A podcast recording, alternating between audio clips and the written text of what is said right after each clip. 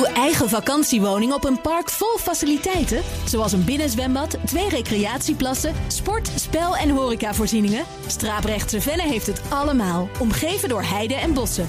Lees meer op Brabantisprachtig.nl. BNR Nieuwsradio. Boekenstein en de Wijk. Hugo Reitsma. Welkom bij Boekenstein en de Wijk. Het is zaterdag, dag 514 van de oorlog in Oekraïne. Bij ons is defensiespecialist Peter Weininga en wij bespreken vandaag een alternatieve toekomst voor Rusland. Een uh, alternatief uh, voor, zoals ik het een Rusland-expert laatst hoorde noemen, een heel erg groot Noord-Korea. Afgesloten van het Westen en uh, ja, van een toekomst eigenlijk. En we doen dat naar aanleiding van een pleidooi in Foreign Affairs van Max Bergman van denktank CSIS onder de titel Tell Russians Putin has to go. Arjan. Ja, het is echt een spectaculair stuk. Hè? Dus in plaats van dat we alleen maar knokken, moeten we toch ook uh, ons direct op de Russen richten. Dat geldt dan vooral voor Biden. Hè? Nou, wat stelt hij voor? Biden moet uh, over het hoofd van Poetin heen zich richten tot het Russische volk. En hen een uitweg uitbieden uit het economische en diplomatieke isolement waar ze zich in bevinden. Hè? Drie voorwaarden om dus dat grote Noord-Korea te voorkomen, wat je zo mooi zei in het begin. De Russische troepen moeten worden teruggetrokken uit de Oekraïne. Oekraïne moet dus, uh, de, Rusland moet de soevereiniteit van Oekraïne respecteren. En Poetin moet weg. Aha. Nou, waar komt dit wilde plan vandaan? Er zijn altijd historische voorbeelden. Hè? Uh, en hij noemt dan het Wilson. Hè? Die heeft dus tussen januari en september 1918 heeft hij aan de Duitse civiele autoriteiten en ook de generaals een rechtvaardige vrede aangeboden. Wilson zei van luister eens jongens, ik ga geen herstelbetalingen aan jullie vragen, geen annexatie, geen annexatie van Ik bied je gewoon alsjeblieft stop nou met vechten. Ja? Nou, dat, dat gematigde Wilsonistische vrede was eigenlijk ook de beste optie voor Duitsland. Want Duitsland was totaal uitgeput. Er was een revolutie nakende en ook aan de gang. Het moreel van de troepen daalde. Uh, Amerika had zich in de strijd geworpen, wat voor, vanuit Duits perspectief niet goed was. En weet je nog, Oostenrijk-Hongarije, Bulgarije en het Ottomaanse Rijk hadden gecapituleerd. Hmm. Ja? Nou, ze hebben negen maanden onderhand, van januari tot en met september 1918. En de Amerikanen hebben ook gezegd van luister eens, de keizer moet gaan. Want dat oh ja, is een... die kwam toen bij jou wonen. Ja. En die, daar, daar, heb ik dus die keizer aan te danken. Ja. Bij, vlak bij mijn huis. Ja. Nou, dit is het voorbeeld. Het is natuurlijk een heel spectaculair uh, voorstel. Het probleem is met historische analogieën is dat ze altijd ook uh, mank gaan. Hè? Wat is het verschil tussen 1918 en 2023? Nou, Duitsland in 1918 had het actieve politieke partijen. Hè? In, daar, in Rusland zijn er geen echte politieke partijen, maar dat zijn meer partijen die Poetin steunen, Hmm. of Poetin een beetje steunen, of, of uh, neppartijen zijn. Hè? Verder is Poetin een sterke leider, terwijl de keizer was natuurlijk een hele zwakke leider. Want die keizer, toen hij de oorlog verklaarde, ging hij op zijn zeilschip naar de Noorse fjorden toe. Zo'n zo'n grappenmaker was hij. Ja, dat is echt ongelooflijk verhaal. Dat is die man met die rare snor, toch? Ja, dat ja. is echt... Uh, dat is echt ook met, waarbij zijn rechterarm ook iets kleiner was dan zijn linkerarm. Dat kan ook je dat zien nog? bij zijn uniform. Hè? No, no, no. Nou goed, en verder is het zo dat uh, in 1918 waren de Duitsers vier jaar oorlogsmoe. En de macht van de Amerikanen was natuurlijk enorm toegenomen. En nu is het zo, kijk, Rusland is natuurlijk ook wel oorlogsmoe, maar dat is niet zo oorlogsmoe als Duitsland was in 1918. Hè? Hmm. En verder nog een andere losse opmerking. Ja, die herstelbetaling was wel leuk van Wilson. Die zei dat gaan we niet doen. Maar uh, ondertussen. Dat bij, natuurlijk wel. Bij ja. Versailles is dat natuurlijk helemaal fout. Ja, ja. Oké, okay. okay. maar Arjan, elke vergelijking gaat mank. Even naar Peter. Tell Russians Putin has to go. Zie je daar uh, brood in, Peter?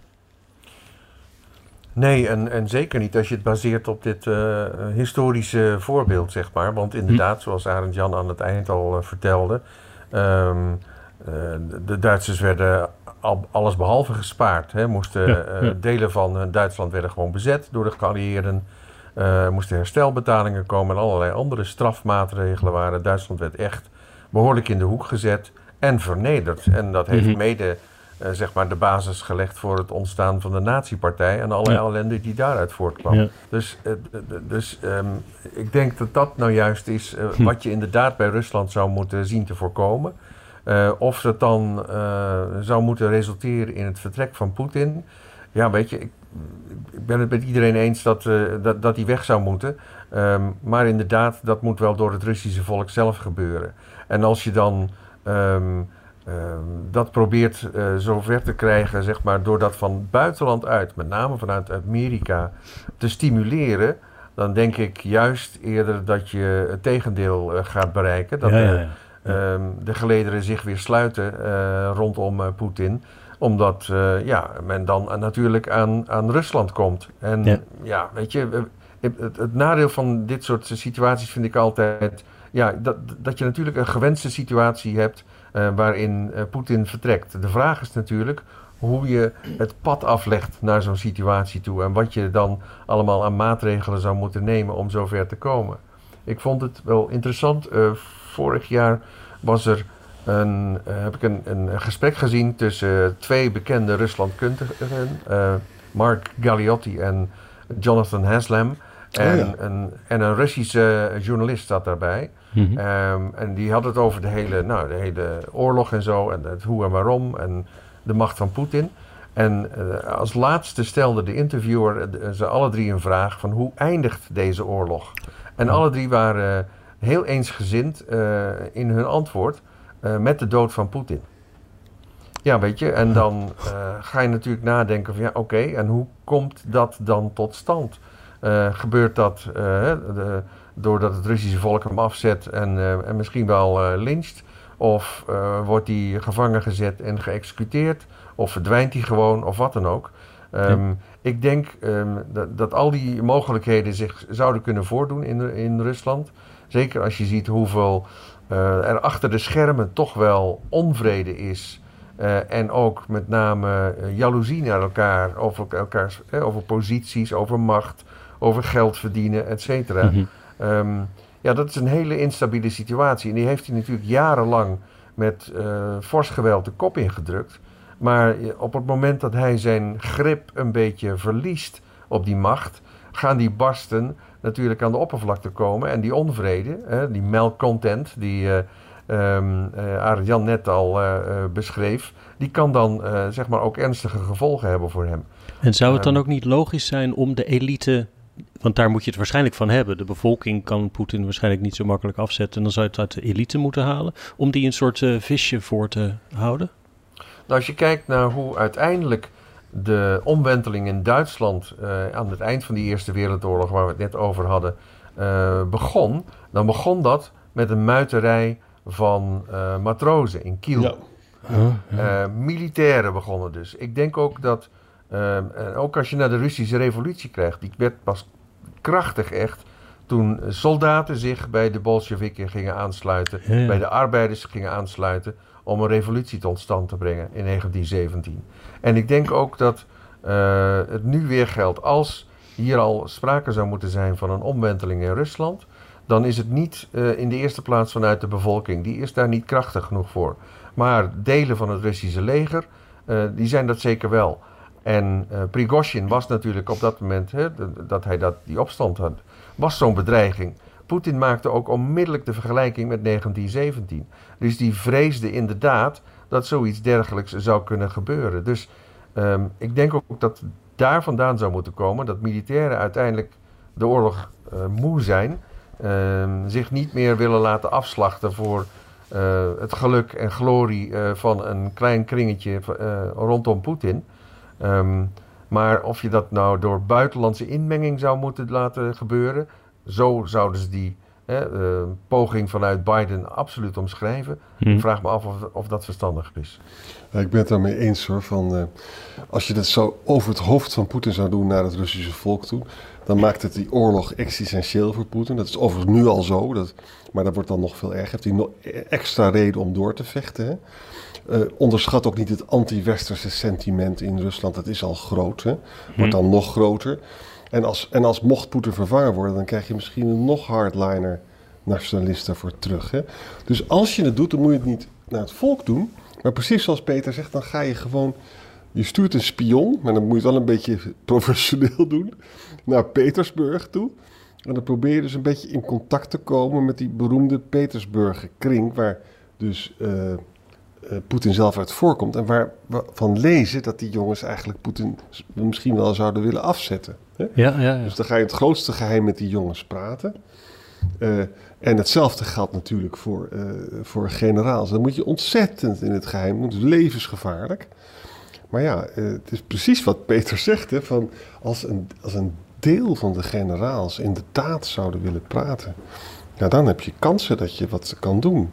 Ja. En, en dan zou je ook een jarenlange oorlog met al die slachtoffers, hè, vanwege al die vreselijke mijnen, zou je misschien kunnen voorkomen.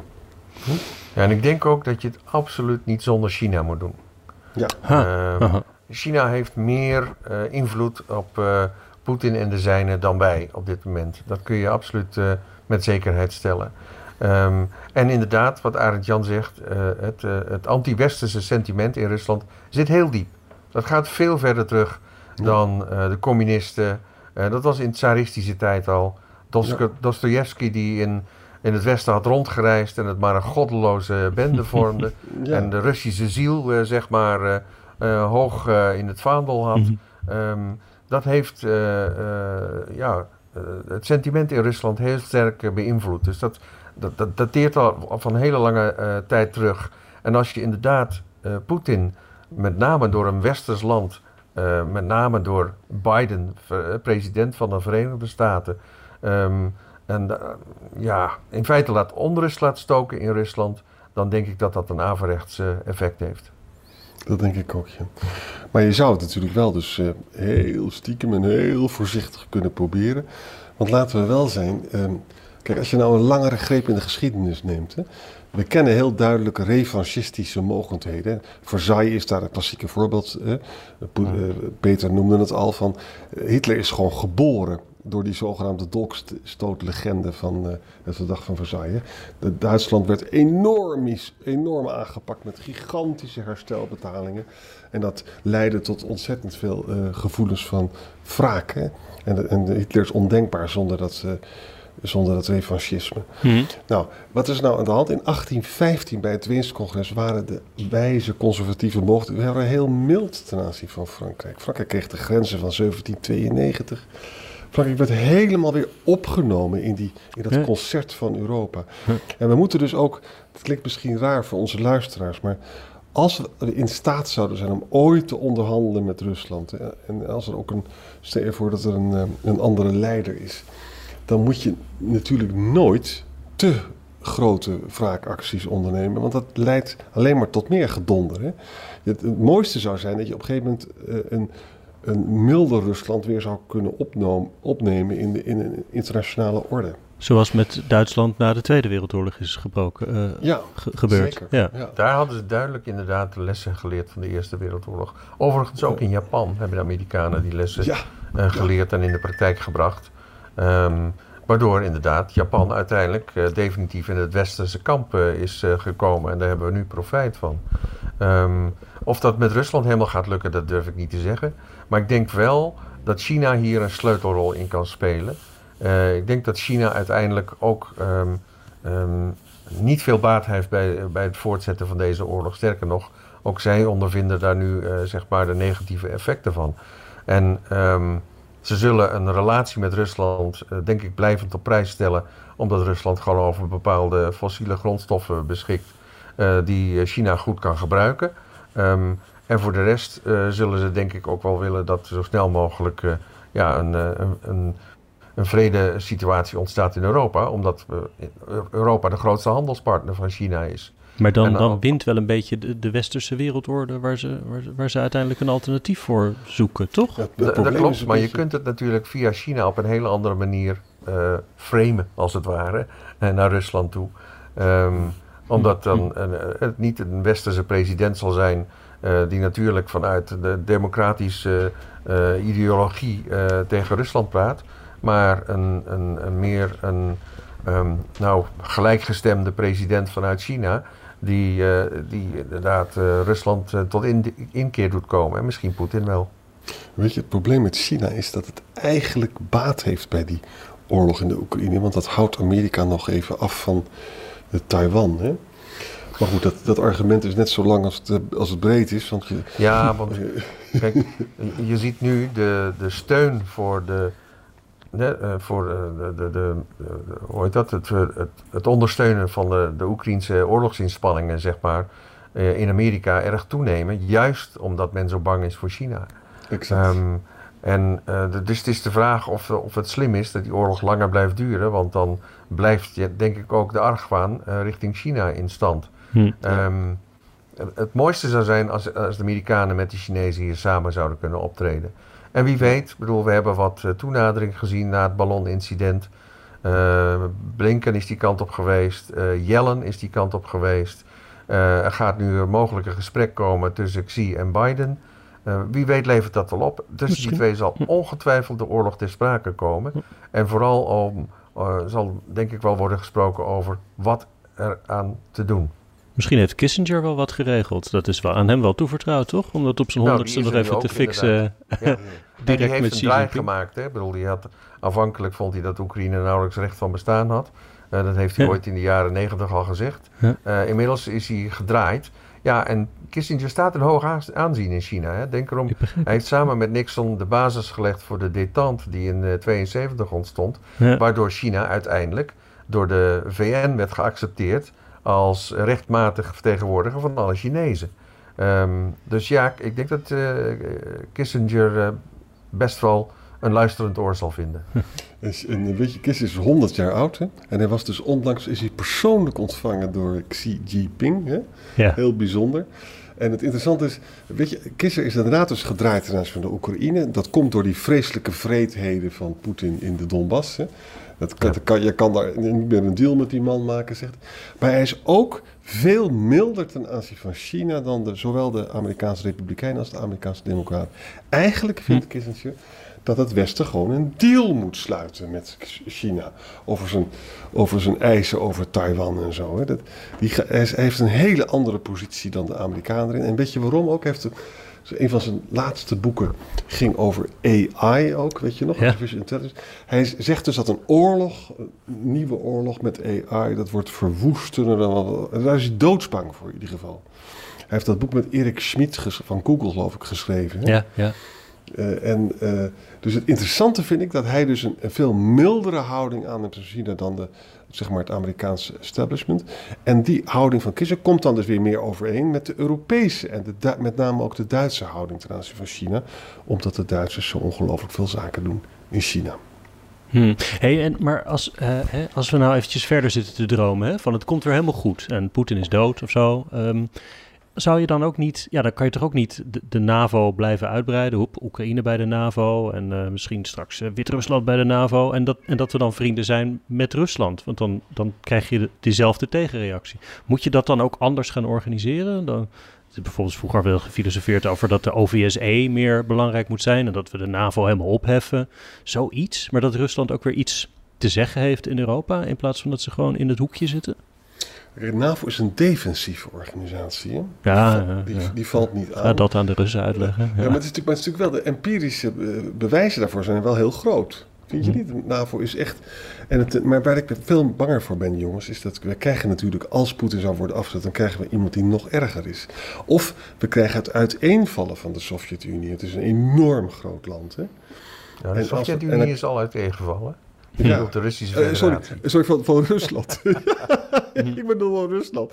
En als dat gebeurt, dan krijgen we warlords die met elkaar vechten. Nou, dat is ook een heel groot veiligheidsprobleem voor het Westen. Hoe gaan we daar dan mee om? Huh? Ja, ik denk we- ook dat je dat moet zien te voorkomen, inderdaad. Kijk, het is een gegeven. We delen met Rusland de ehm, Euro-Aziatische eh, ja, continent. Eh, Hmm. je kunt Rusland eh, niet negeren. Het is een eh, groot land binnen Europa. Eh, zelfs als je alleen maar Europees Rusland telt, eh, dan is het een groot land. Dat kun je niet zomaar in een hoek zetten zoals eh, de wereld met Noord-Korea heeft gedaan. Ehm, dus ehm, je, je moet iets. Maar inderdaad, dan moet er wel iets veranderen in Rusland.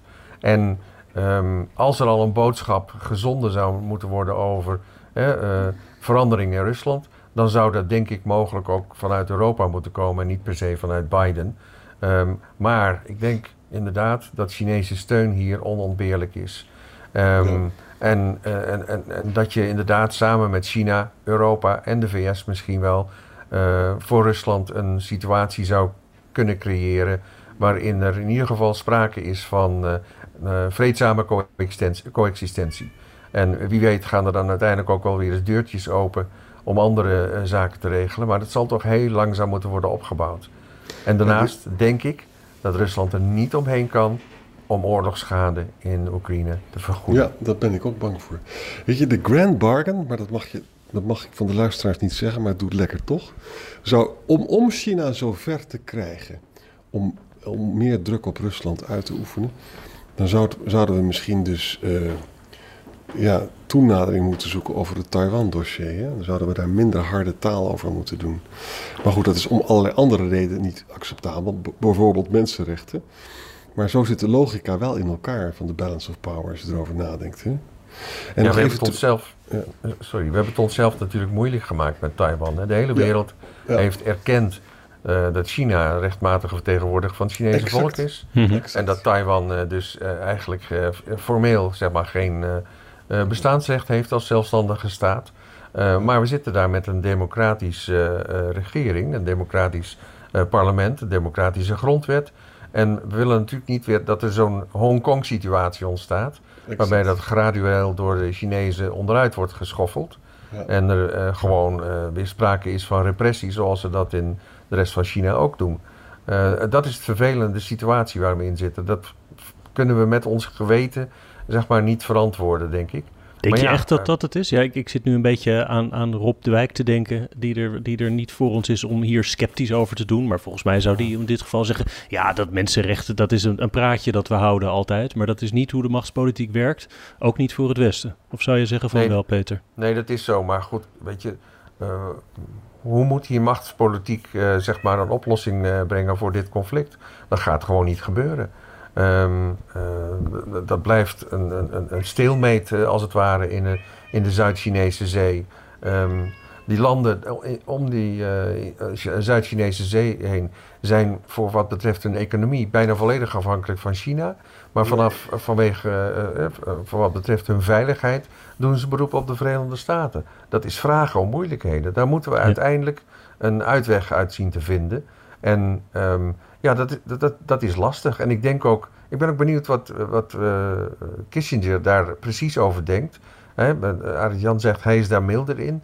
Um, nou ja, uh, wie weet uh, vindt hij wel een opening op zijn honderdjarige leeftijd. Ja. Kijk, weet je wat Kissinger... Kijk, luister, de Chinese economische macht die groeit. Hè. Ze zijn nu even in de problemen, maar het land is veel machtiger geworden heeft ook belangrijke grondstoffen. We hebben het er eindeloos over gesproken. Nou, dat betekent dat zo'n land krijgt dan een groter deel van de taart, omdat het belangrijker wordt. Hè? En dat betekent, en, en voor, voor Kissinger betekent stabiliteit dat zo'n land dan daar ook in bevredigd wordt. En dat het daardoor uh, niet revanchistisch zal zijn. Hè? Dat is eigenlijk dat is een beetje de, de deal die er dan plaats zou vinden. Even nog terug naar de Oekraïne, want uh, Hugo stelde een hele goede vraag. Die zei van, ja, je kan toch niet doorgaan met die NAVO-uitbreiding als het in Rusland bijvoorbeeld een, een, een beter regime zou zijn. Hè? Uh, nou, nou denken we niet dat dat zelfs zou gebeuren, maar als dat zou gebeuren... Kijk, we kunnen niet meer terug met die, met die NAVO-uitbreiding. Het kan echt niet. Er is zoveel in geïnvesteerd. Dus dan moet je dus heel snel een, die NAVO-Rusland-raad, die we vroeger hadden, moeten we dan weer in ere herstellen. En, en zeggen dat we absoluut uh, niet van plan zijn om Rusland aan te vallen. Maar dat we ook Oekraïne niet kunnen laten vallen. Dat soort dingen moet je dan gaan doen. Ja? Nou, bovendien, ja. je moet je niet vergissen. Wij hier in het West-Europa hebben 70, 80 jaar geen oorlog gekend. Uh, die, die, die, NAVO voor ons, weet je, nou ja, oké, dat is een beetje een vanzelfsprekendheid op de achtergrond.